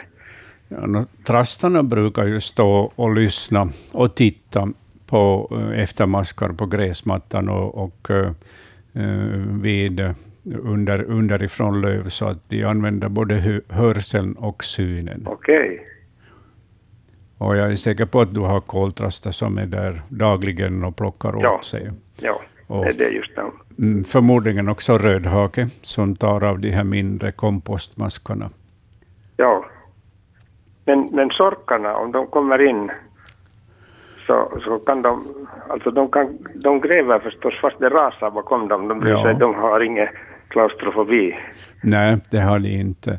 Eh, då skulle jag hålla en betydligt större hacka på näbbmössen, som ju äter animalisk föda, maskar och insekter. I, det är ju deras huvudsakliga föda. Okay. Och de, de kan säkert eh, böka sig in, gräva sig in i komposten och jaga där. Ja, just det. Och, och de, kan, de hör då fast de, jo, de har jättebra jo. hörsel. De har bra hörsel och sen har de ju en, en god, ett gott luktsinne också. Just. Men det, det är fint. Jag, jag fick lite belägg för att jag ja. gör en, en, en, någon sorts nytta med den för, jo, det, för trädgården. Det är många djur som har, har nytta av komposterna. Nå, bra. Mm, bra. Tack så mycket. Hörru, tack Jan, tack för ditt samtal. Ha en skön dag. Hej. Bra, tack, hej. Ja, visst är det nytta med en komposthög? Ja, visst är det det. Ja, mm. ja det, de får inte vara i fred. Det finns alltid, alltid de små, små djur som, som besöker komposten och plockar åt sig av det som finns där. Mm. Från eh, komposthög till någonting vackrare tänkte jag säga, men med det sagt, alltså en komposthög kan väl också vara vacker, antar jag, på sitt sätt. Allting är i betraktarens ögon. Men eh, jag tänker snarast alltså på eh, följande bild i mm, bildbloggen, bild nummer sju. För det tycker jag är nämligen en väldigt vacker bild. Eh, det är inte någon fråga på det viset som är, kommer med den här bilden, eh, utan det är Veronica som, har, som bjuder helt enkelt på det här. Eh, Hej, på vår gård i Grankulla så fanns det tre rådjur lördagen den 10 oktober. Det trivdes från förmiddag till sen eftermiddag på gården eh, och eh, så hon skickat in en bild på tre stycken rådjur som har eh, riktigt ställt sig i vacker sidoprofil här. Solgrönska. En riktigt fin bild. Gå ja. in och njut av den på bildbloggen svenska.yle.fi natur. Det här är ju typiskt för, för rådjuren i, i bebyggelse, att de blir helt vana vid människor och gärna kommer in i trädgårdarna för att äta av örter. Och, och eh, det är gulligt och trevligt. Sen när de är tillräckligt många, de här rådjuren, så äter de upp mycket av de växter som man vill ha i sin trädgård. Så det är ett tveeggat svärd. Så är det. Det är en skönhet med en baksida. Tyvärr så sprider de ju också mycket fästingar, de här rådjuren, precis som vitsvanshjorten gör det. Så att man får lätt fästingar i sin trädgård när man har de här, de här små hjortdjuren på besök, på regelbundet besök. Mm. Men vackra är de. Vackra är de, men i det här fallet vad ska man göra kanske då? Försöka skrämma bort dem helt enkelt, visa sig på gårdsplan och schasa bort dem, vänligt men bestämt. Ja, om man inte vill ha dem på, i sin trädgård, ja. Men, mm. men det är många som gärna ser att de besöker trädgården och, och uppträder så här, för de hör ju nog till, till de vackra djuren i naturen, de här rådjuren. Ja. Vackra är de. Tack mm. Veronica för den bilden. Uh, sen så ska vi gå vidare till följande bild i bildbloggen. Och nu, det är nu som vi hamnar ut på, på svag is, trots att det inte har frusit på ännu. För det här är alltid knepiga. Vi kommer in nämligen på svampfrågor. Um, här är det Christian som har skickat in den här bilden. Eh, han råkar få se denna märkliga svamp, som han själv uttrycker det, eh, då han var ute och cyklade i kyrkoparken i Vasa. I ett stort träd, cirka två och en halv meter uppe i trädet, där hittade han den här. Um, Orange-gul till färgen, påminner kanske, uh, undersidan påminner väl lite om typ en kantarell eller någonting liknande. Ja. Mm. Men, men själva svampen är som uppdelad i säg sex, sju, åtta fingrar mera. En, två, tre, fyra, Åt, fem, Åtta sex, fingrar, åtta, ja. ja. Mm. Och eh, växer ut alltså ur ja, en gren, större kvisthål, någonting liknande på, på trästammen. Och som, som Christian skriver här, två och en halv meter uppe i trädet. Han undrar naturligtvis, vad är det här för en svamp? Ja, eh, det undrar jag också. jag har försökt luska ut det med, med all tillgänglig litteratur och via svampkännande vänner. Mm. Och, och uh, ingen har, har det här, känt igen den här svampen. Det är en ticka som, som växer jag skulle tro att det är en silverpil som den växer på. Barken ser lite ut som silverpilens. Ett lövträd i alla fall. Och eh, den här hör som de andra tickorna till de här nedbrytarna. De bryter ner småningom de här träden. Cellulosan i, i, i trädet. En otroligt vacker svamp. Och, och eh, vi fortsätter våra efterforskningar. Eh, den är fin och den är värd att eh, att få ett namn också. Det är den. Vi ja. sätter den tillfälligt i arkiv X, eller vad vi ska kalla det, och, och, ja. och ber att få återkomma helt enkelt till Christians fråga i ett senare skede, då vi eventuellt har lyckats luska ut ett svar. Um, vi kan ju fortsätta, då vi ändå behandlar svampar, så, så kan vi ta följande också som finns här i bildbloggen. Här är det massor med vita svampar, eh, som Ulla undrar ifall vi kan identifiera och eh, där också. Hon undrar att hur blir man av med dem? För att de här finns på hennes gård. Mm, och eh, de är många och de är små och de är vita. Eh, förekommer i, vad ska vi kalla det, kluster mm, så här på ett större område. Eh, väldigt ljus vit, nästan så att jag tycker den ser nästan sådär grå genomskinlig ut, den här själva foten, stammen, benet, vad man nu ska kalla det. Um, väldigt rund, runt huvud. Eh, en liten, en liten mörk, eh, mörk prick på, på toppen, va? Ja. ja, det här är ett gytter av små vita svampar. Och den liknar lite stubbbläcksvamp, men att eh, de lever ju på mörknade äh, trä, så det borde finnas i så fall sånt i, under det här äh, markytan, under mm. gruset. Mm. Um, det kan vara fullständigt fel, det där stubbbläcksvamp, men liknar mest den ja. av, av det som jag nu har uh, fått syn på. Alldeles tydligt så, så finns det otroligt mycket av den här svampen i marken, alltså mycele. Och, och den kommer att leva kvar där länge i, i marken om, om inte uh, Ulla uh, bekämpa den uh, med annat än med, med etika. Mm. Etika har hon prövat på för att ja. se ifall det biter. Mm, och det biter bitvis, alltså en stund. Ja. Uh, grovt salt så skulle vara bättre. Uh, använd inte några svampgifter, för då förgiftar du hela din trädgård. Och alla andra svampar också som finns där, som träden och de andra växterna behöver. Eh, grovt salt så brukar ju ta död på, på växter när, när salthalten stiger för mycket och, och det späds sen ut med regnen. Mm. Så om inte man har om inte man själv bor på något vattentag så, så kan man använda salt. Ja. Det får bli vårt tips åt uh, Ulla i Åminnefors i Raseborg. Som sagt, vi är inte säkra på vad det här Nej. är för svamp. Vi, vi lämnar det Men på det viset. Ett, ett intressant fenomen och fantastiskt att, att det kan vara ett sånt här tätt gytter av, av små svampar. Ja. Mm. Ett annat fenomen hittar vi på följande bild. Här är det Juha som har skickat in en bild. Han var ute och vandrade med hunden till Haunisten Allasi Reso idag, eh, för ett par dagar sedan, och han stötte på något grönt i vattnet och han undrar nu att kan det här vara de här blågröna algerna? Och den här tiden på året, när det dessutom inte har synts till annars på hela sommaren, blågröna alger eller cyanobakterier som man ska kalla dem egentligen. Är det det som Johan har fångat på bild här? Ja, det är nog det. En sån där grönaktig ärtsoppa som ligger och flyter i vattenytan. Och, och det är just typiskt att att de packar sig in mot stranden med vågrörelserna.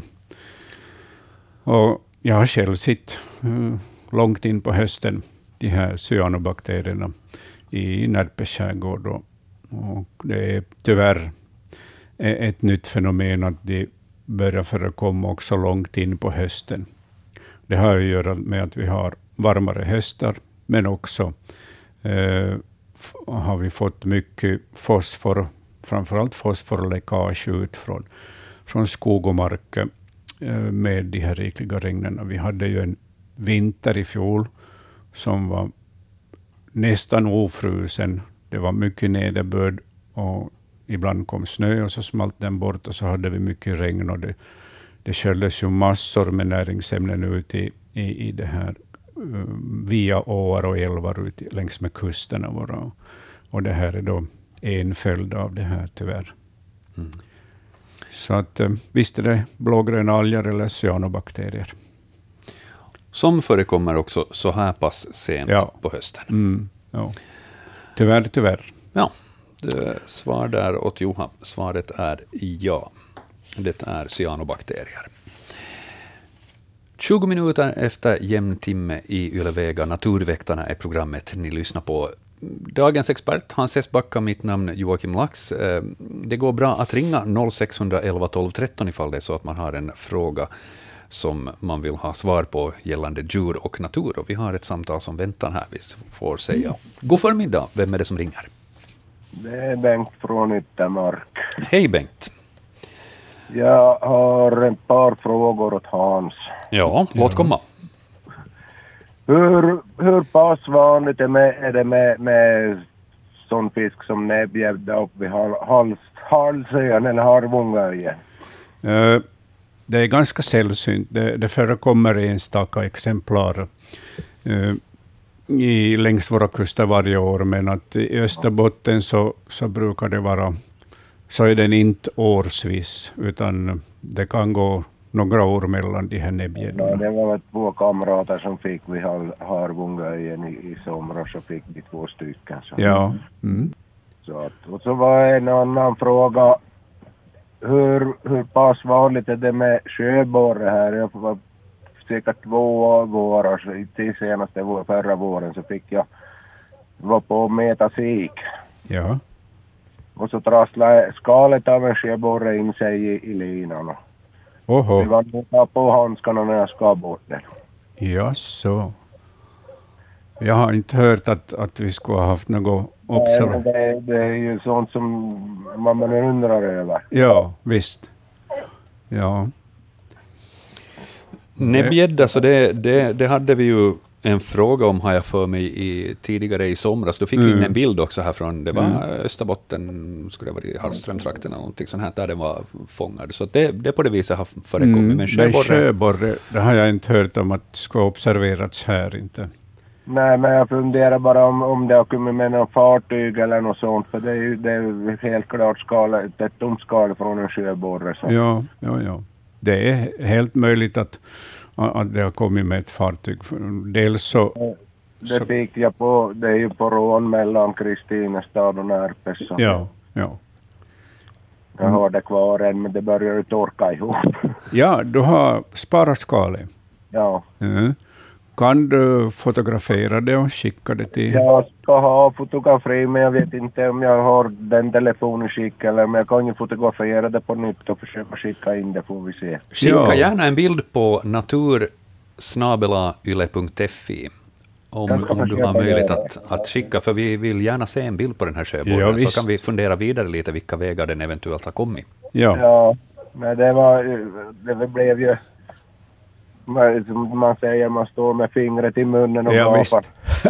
ja, verkligen. Inte någonting man förväntar sig att hitta. Jag på handskarna för att få bort, för att få bort den från. Den trasslade in i linan. Precis, ja. Mm, mm. Intressant. Bort, ta på handskarna för att få bort den. ja, ja. Hör du, eh, Bengt, som sagt, om du har bara möjligt så skicka gärna en bild på den där på natursnabelayle.fi. Utmärkt, tack för ditt samtal. Tack, hej. Tack ska du ha, hej. Ja, sjöborre, det har jag inte kommit emot Nej. tidigare. Nej. Spännande. Visst ja, är det det. ser fram emot en, en bild av, av Bengt, så får vi, får vi titta lite närmare på den. Så kan vi fundera efter vilka vägar den eventuellt har tagit sig hit. Då. Um, vi tittar vidare. Inte en sjöborre, men, men en mussla har vi som nästa här på vår bildblogg. Fråga nummer 11 har vi kommit fram till. Uh, här är det, Det är Sofie som har skickat in den här bilden uh, på en snäcka som de hittade i Bromarv i vattnet under höstlovet och tyckte att det var underligt stor uh, för våra vatten. Den liknar en sån här Vångåle-mussla som är god med pasta. Vilken sorts mussla kan det helt enkelt vara frågan om, undrar Sofie. Och ja, visst, mycket riktigt, det, det liknar den ju. Mm. Hur stor ska vi säga att den här Den är i handflatan placerad i mitten. Den är med andra ord ja, två och en halv, tre centimeter. Ja, kanske tre centimeter. Ja. Mm. ja, det här är en hjärtmussla och den kan faktiskt bli fem centimeter. Men det här är ett ganska stort exemplar och, och, och eh, det är en av, av de vanliga musslorna i Östersjön. Eh, ett eh, exemplar som har vuxit ganska bra och som för några, några år sedan har haft något mankemang i sitt liv, för det är en sån där gränslinje. Den har varit utsatt för någonting. Eh, tänker du alltså den här, mm, den här mörkbruna randen, eller vilken ja. gränslinje? Mm. Den? Ja. No, no, det är något, någonting som har hänt där, eller sen har det varit speciella förhållanden. Den växer ju till sig från år till år och, och får sådana årsringar som träd. Mm. En vacker mussla, hjärtmusslan. Mm. Huruvida den är god i pasta? Ja, jag, svar på det? jag tror att uh, hjärtmusslan, precis som många andra musslor, blir goda uh, när man tillreder den på rätt sätt. Mm. Mm. Lite vitlök och kanske lite grädde och sådär, så ja. kan eventuellt bli till någonting. Uh, det är bara en, en hypotes, det, det är inte ett tips. Så är det på det viset. Men tack i alla fall Sofie för den bilden, det var en fin mussla. Här har vi sen följande bild i bildbloggen, så är en fråga som vi tog upp för en månad sedan. Eh, då, då tittade vi på den här bilden, men hade svårt att bestämma oss för uh, vad det var. Och, så det, vi, vi, tar upp bilden helt enkelt på nytt. Camilla har skickat in den dessutom på nytt också för att få ett svar på, på frågan. Eh, Camilla har nämligen tagit ett fotografi på en mm, svart liten krabat, ser ut som en avlång geléklump eller någonting sånt, ett mellanting mellan en mask och en snigel eller någonting svårt att definiera i varje fall. Och skriver så här. Vad är det här för en mask? Eh, den åt upp nästan alla blad på plommonträdet. Hittade också på plommonen. Det fanns massor och har aldrig sett dem förut. Vad är det vi ska svara åt Camilla? Ja, det här är en larv av slemmig fruktbladstekel. Så det är en, en stekelart som lägger sina ägg på, på bland annat plommon och, och, och körsbär. Och, och sen producerar de ett sånt här slemmigt och, och, och mörkt slem eh, omkring sig för att inte vara eh, så attraktiva för fåglar till exempel. Det är ju annars en, en, en helt vanlig stekellarv inne i det här mörka slemmet som, som går i, i grönt och lite svartprickigt, så som passar bra som mat åt småfåglarna. Mm. Så det här är ett, ett bra sätt att eh, kamouflera, kamouflera sig på och bli, bli det här ganska oattraktiv för till exempel blåmesar och svartvitt flugsnappare som matar sina ungar med larver. Den ser ju ut som en svart liten snigel, den här, den här larven, på, då den har kamouflerat sig så här. Ja, ja det, det gör den faktiskt. Det, det, ja. sådär, mitt första svar skulle väl vara att det är väl någon form av snigel. Ja, uh, alltså en fruktbladstekel. Ja. Det här kamouflaget som den har dragit på sig, är det alltså så pass kraftigt så att den tål mm, lite regn och, och, ja. och så här? Mm, det tål nog regn och blåst, men det är klart om en fågel kniper till med sin näbb så, så kniper den ju av det här slemmet. Men att, eh, jag tror att de flesta fåglar så, så intresserar sig inte för det, för de har en annan sökbild under sommaren när det finns mycket gröna larver. Och då söker de de här gröna larverna som det finns gott om och, och, och som är näringsrika och, och passar bra som föda åt ungarna. Så det här kan vara ett bra sätt för den här stekellarven att klara sig, eftersom den ofta äter uppe på bladet och syns lätt ovanifrån. Mm. Uh, ja. Camilla skriver här att, uh, att den åt upp nästan alla blad på plommonträdet och att den fanns också på plommonen. Är det så att den här larven av slemmig fruktbladstekel på något vis skadar trädet och, och, på det viset alltså just äter upp alla blad och, och även kan äta upp plommonen? Eller är det, uh, hur, hur farlig är den så att säga att ha i trädgården? Ja, det här har ju varit tydligt ett stort angrepp, så att, så att uh, trädet har ju lidit av det, men att ofta klarar det av sånt här, bara det inte sker så ofta i, i trädets liv. Mm. Så jag tror nog att de här träden borde återhämta sig nästa år. Mycket bra. Svar där åt Camilla. Larv av slemmig fruktbladsstekel med andra ord. Vi ska ta och titta till bild nummer 14 i vår bildblogg som har kommit in här tidigare. Det är Eva i Nagu som har skicka in ett fotografi på en fågel som sitter på hennes staket. Hon har ringat in den här fågeln också så att vi säkert ska hitta den här också så att den inte försvinner i, i buskaget. Men jag tycker man ser den ganska klart och tydligt. Um, det är första gången som Eva ser den här fågeln. Um, hur ska vi beskriva den, om vi börjar där utan att avslöja ännu vad det är för en fågel?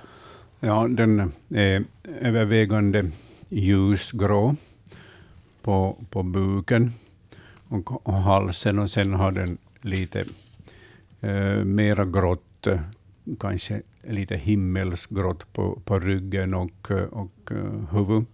Ett svart rövarband genom ögat öga och sen eh, svarta vingpennor som bildar ett sånt här, två svarta band längs med sidorna. Mm. En fågel som är stor som en och kan, ja, som en domherre ungefär. Ja. Men betydligt mer långskärtad och, och äh, inte lika bullig och tjock som, som det här domherren.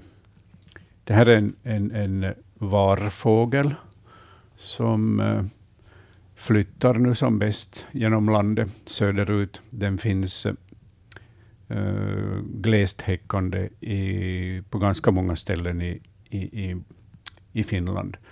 Mm, I det här myrlaggar, myrkanter, på kalhyggen och, och sådana här vad ska vi säga, skräpmarker. Ja. öppna till halvöppna områden där den de spanar efter sina byten. Eh, under sommaren lever den på stora insekter och eh, ödlor och annat som den matar sina unga med. Eh, smågnagare fångar den också. Och nu under vintern, så vinterhalvåret, så lever den på, på sorkar och möss och småfåglar. Den är en tuff jägare, den här varfågeln. Ja. Som övervintrar bland annat i södra Finland. Där kan man se den övervintrande. Och, och eh, den, är, den sitter ofta mycket öppet i landskapet, så man ser den på långt håll. En sån där gråmulen novemberdag så lyser den som en liten snöboll mm. i ett videbuskage eller på en stängselstolpe, den här, den här varfågeln. En elegant och intressant fågel. Och, som det... man inte ser ofta. Nej. Om man inte söker den enkom under uh, flyttningstiden på, på hösten och våren. Mm. Det är kanske just för att inte man ser den så ofta som den heter varfågel. För mm. det är sällan man säger därfågel. Jag vet inte. Nej, den, den har faktiskt en... Namnet har faktiskt en, en intressant kulturhistorisk sida. Den varslar om rovfåglar, den här varfågeln, och kallas därför varfågel. Mm i äldre tider när, när man fångar rovfåglar för att föda upp eller lära hökar och falkar att, att jaga åt människan, så då använde man den här varfågeln. Den satt på någon gren eller på någon sticka som man hade eh, stuckit ner i marken, bunden förstås. Och när den såg en rovfågel så varnar den. Den har ett speciellt läte när den ser en varfågel, så den varnar för de här rovfåglarna. Och då kunde den här rovfågelfängaren eh, pigna till och, och vara varsam, och, eller äh, pigg och, och klar att fånga den här rovfågeln med ett slagnät eller en fotsnara. Ja. Jag försökte leta efter eh, varfågelns lete här bland eh, mina CD-skivor och, och, i vår databas, men tyvärr så kunde inte jag hitta hur, den, hur den varslar, hurdant lete den har, men det där får vi leta upp, eventuellt så hittar man det på nätet, det kan ni ta och kolla. Ja, den har en ganska enkel sån där uh, små knarrig eller små rasslande sång med, med ganska lågmäld också. Så den är definitivt inte någon sångfågel. Inte. Ja. Det är nog utseende och, och, eh, och sen också förstås dens jaktsätt som gör att man, man fäster sig vid den. Ja. Eva skrev här alltså att det är första gången hon ser den här i Nagu. Eh, mm. Tror du att hon kommer att få se den fler gånger nu när den har dykt upp där? Uh, om det finns mycket smågnagare till exempel eh, på platsen så kan det hända att den stannar. Mm. Den kan ju övervintra i det området alldeles bra. Och nu med de här milda vintrarna som vi har så övervintrar ju fler exemplar också, precis som med koltrastar och rödhagar och sånt där. Så mycket möjligt. Mycket möjligt. Mm. Bra, vi tackar Eva för den äh, frågan. Och äh, vi kan ta några till sådana här fågelrelaterade frågor ja. som har kommit in utan bild. Um, Freddy från Borgå skriver bland annat äh, varje kväll 18.30 så har en miljon kajor flyguppvisning över Borgå. Varför gör de detta? Huruvida det är en miljon så det kanske vi inte behöver gå in på, men det är en grov uppskattning. Ja, det räcker än om det är 3000 så är det otroligt mycket ja. kajor i luften. Eh, de är många. Eh, på kvällen så samlas de, alltså under dagen så är de ute på fälten och, och också i stadens parker och, och söker mat. Och, och, och, när kvällen närmar sig, alltså nattkvisten närmar sig, nattsömnen närmar sig, så då samlar de sig i, i sån här stor flock och, och eh, flyger omkring i flockgemenskap.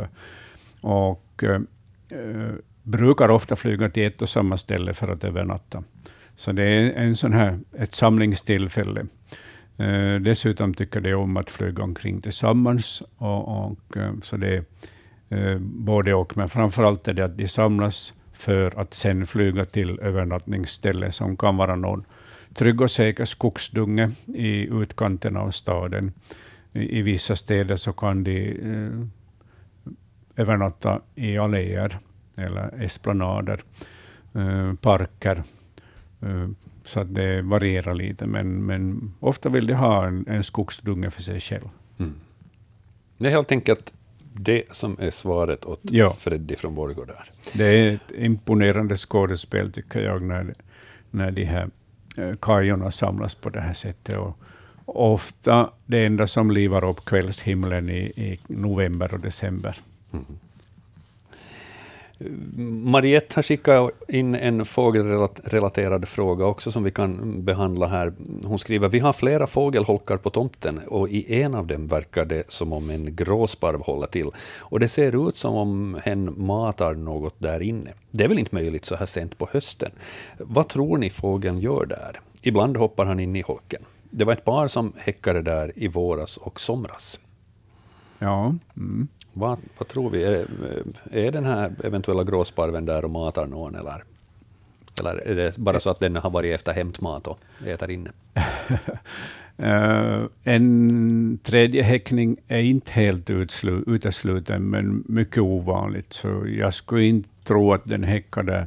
Men den använder ju holken för övernattning, och eh, då kan det vara bra att, eh, att flyga dit och och boda om sig ordentligt i det här boet, så att det är varmt och skyddande.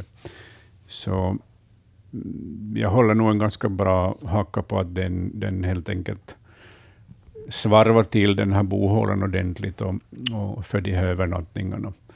Ifall den faktiskt häckar, så, så då borde ju hon ju se att den för mat dit också. Men och i så fall så vill vi ju förstås ha det bekräftat, men ja. det, jag tror inte på det.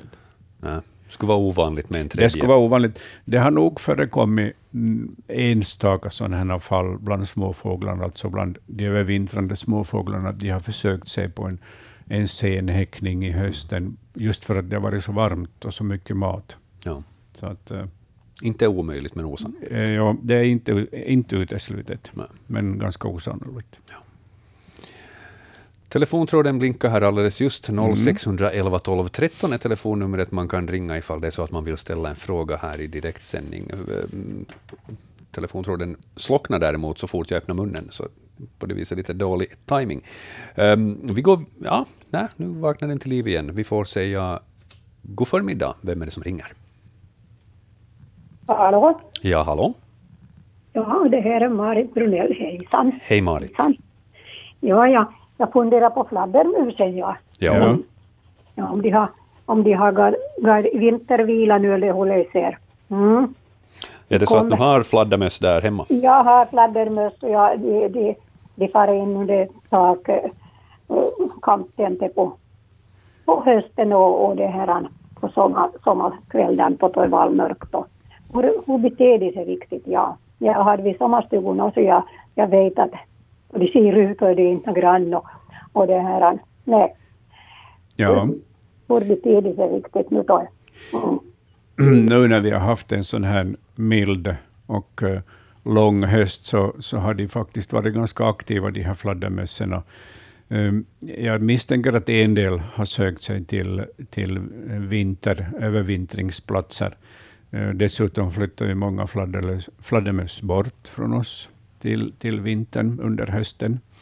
Och, och så att, uh, men när man är ute Mm, på nätterna och kvällarna så ser man ju faktiskt enstaka flygande insekter ännu, så att de har nog lite föda att, att fånga. Men, men så särdeles aktiva borde de inte vara längre. Det är så pass, uh, de har i alla fall en biologisk klocka som, som meddelar åt dem att nu är det nog dags för vintervila. Ja, varenda kväll, samma tid jag, for och la, jag gick och la mig, så, så hörde jag samma ljud ja. alldeles riktigt i, i sovrummet. Ja. Jag, jag förstod ju att det måste vara fladdermuset som ja. kommer till, till natten då. Mm. Är, de, är de aktiva ja. ännu i ditt hus? Nej, nu har jag inte hört dem på några veckor. Nej, ja. Mm. faktiskt inte. Nej. Ja. Nej. Då har de kan, antingen, kan antingen gått, gått till vinterdvala på vinden eller sen har de flyttat bort. Ja, just det. Ja. ja. Och, no, det här, vad, de har dina ohyror eller hur, hur är det om, om de övervintrar däremot? No, de har nog sin egen ohyra, men den brukar inte gå på människan inte. Nej, just det. Ja. ja. Mm. No, jag får så lov att ha den, inte kan jag någonting annat inte. Nej. Nej. Mm. Nej. Det, det är mitt sällskap på kvällen säkerligen. Ja, men nu har de gått, menar du, till vintervila? För jag har faktiskt inte hört dem det sista tiden. Ja. Mm. Nej. Nej. Mycket bra. Tack ja. Marit för din fråga. Ha en riktigt tack fin dag. ska ni ha. Tack, tack. Det är så intressant att höra på er.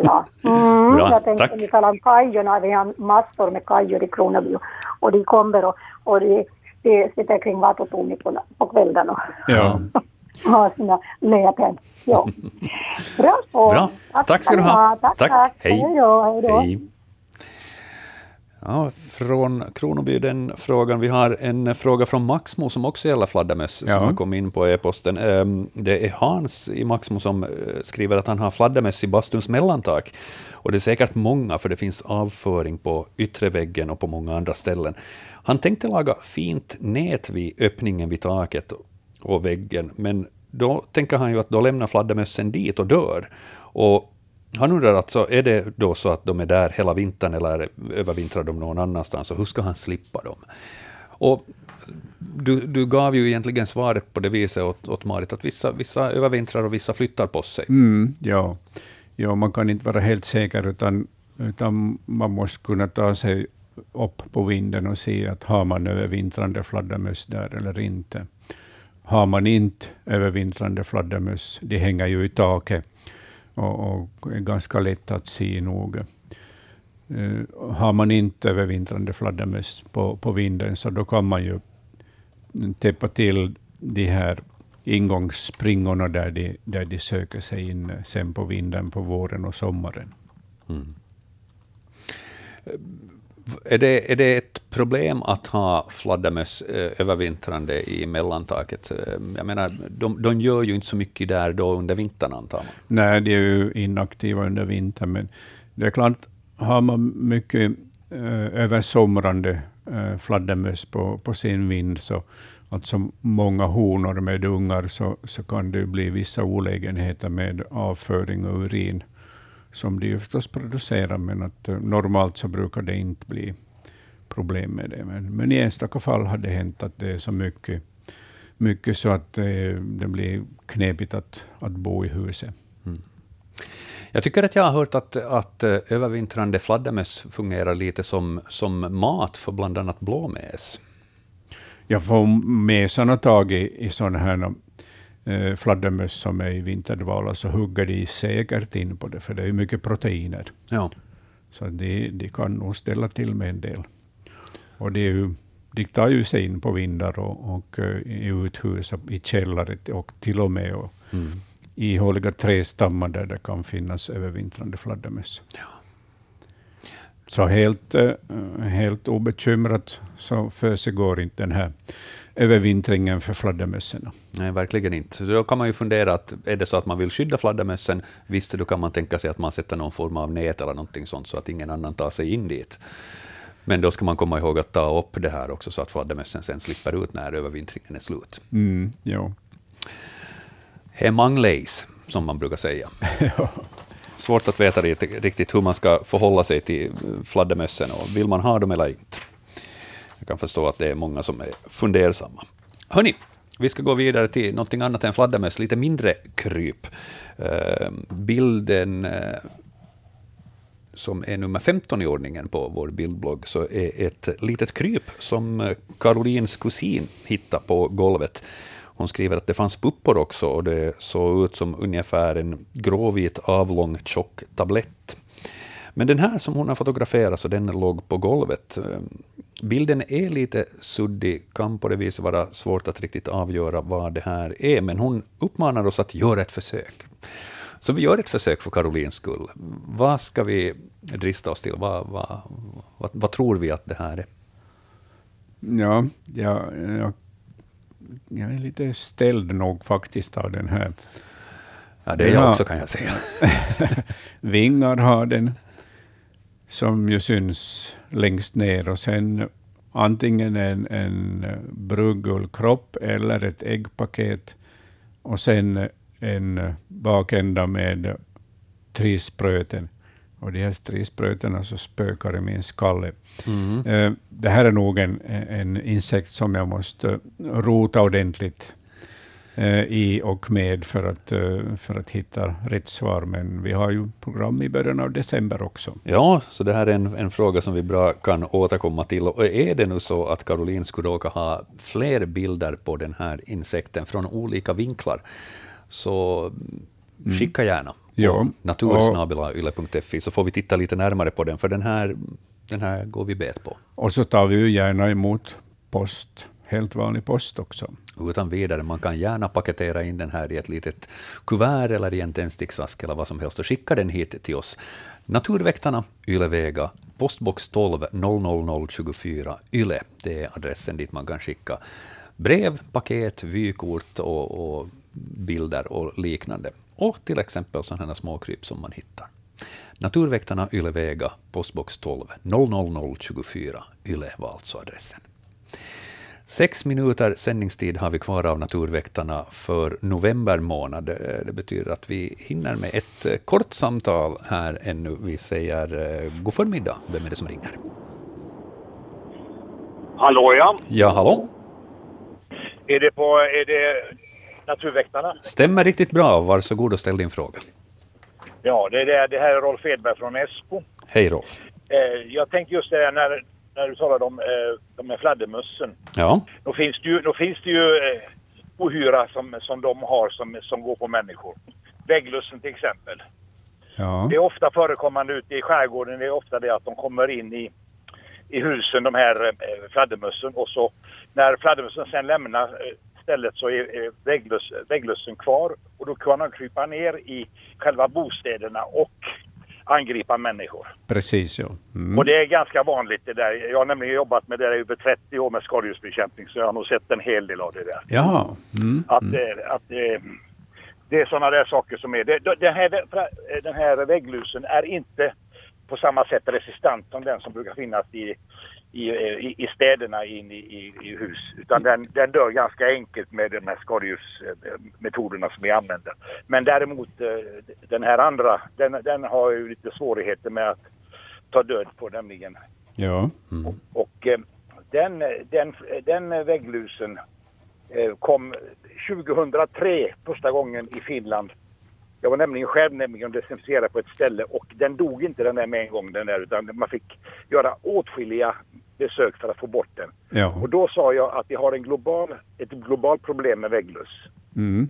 Och eh, det, det, är precis vad vi har idag. Men just som jag säger, att, att det finns vägglöss också i ofta i, ute i skärgården i de här eh, husen och då kan de komma ner ifrån de här eh, fladdermössborna eller fladdermösställena och angripa människor. Ja. Då har vi haft tu tur i vår... Jag har en kommentar på det hela. Ja, det är bra. Mm.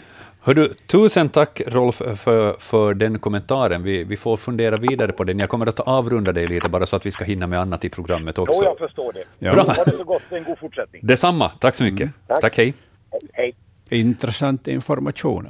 Verkligen, och eh, bra att han hörde av sig och kunde mm. ge det här tipset. Okej, okay, ja. globalt problem med vägglöss, ja, det tycker jag har hört tidigare, men att, mm. att det här... Som en, människan sprider. Exakt, ja. men att det här skulle vara liksom en, en lite mer resistent art på något vis, det här som han hade råkat ut för, som inte, bara, som inte bara krävde en behandling för att bli av Ja, det är ju ofta på det där sättet när, när människan använder gifter mot mm. vissa insekter eller växter och sånt så så blir de resistenta mot eh, de här bekämpningsmedlen och gifterna. Och, och så blir det en sån där ond cirkel där man måste använda starkare och starkare medel eller hitta på helt nya.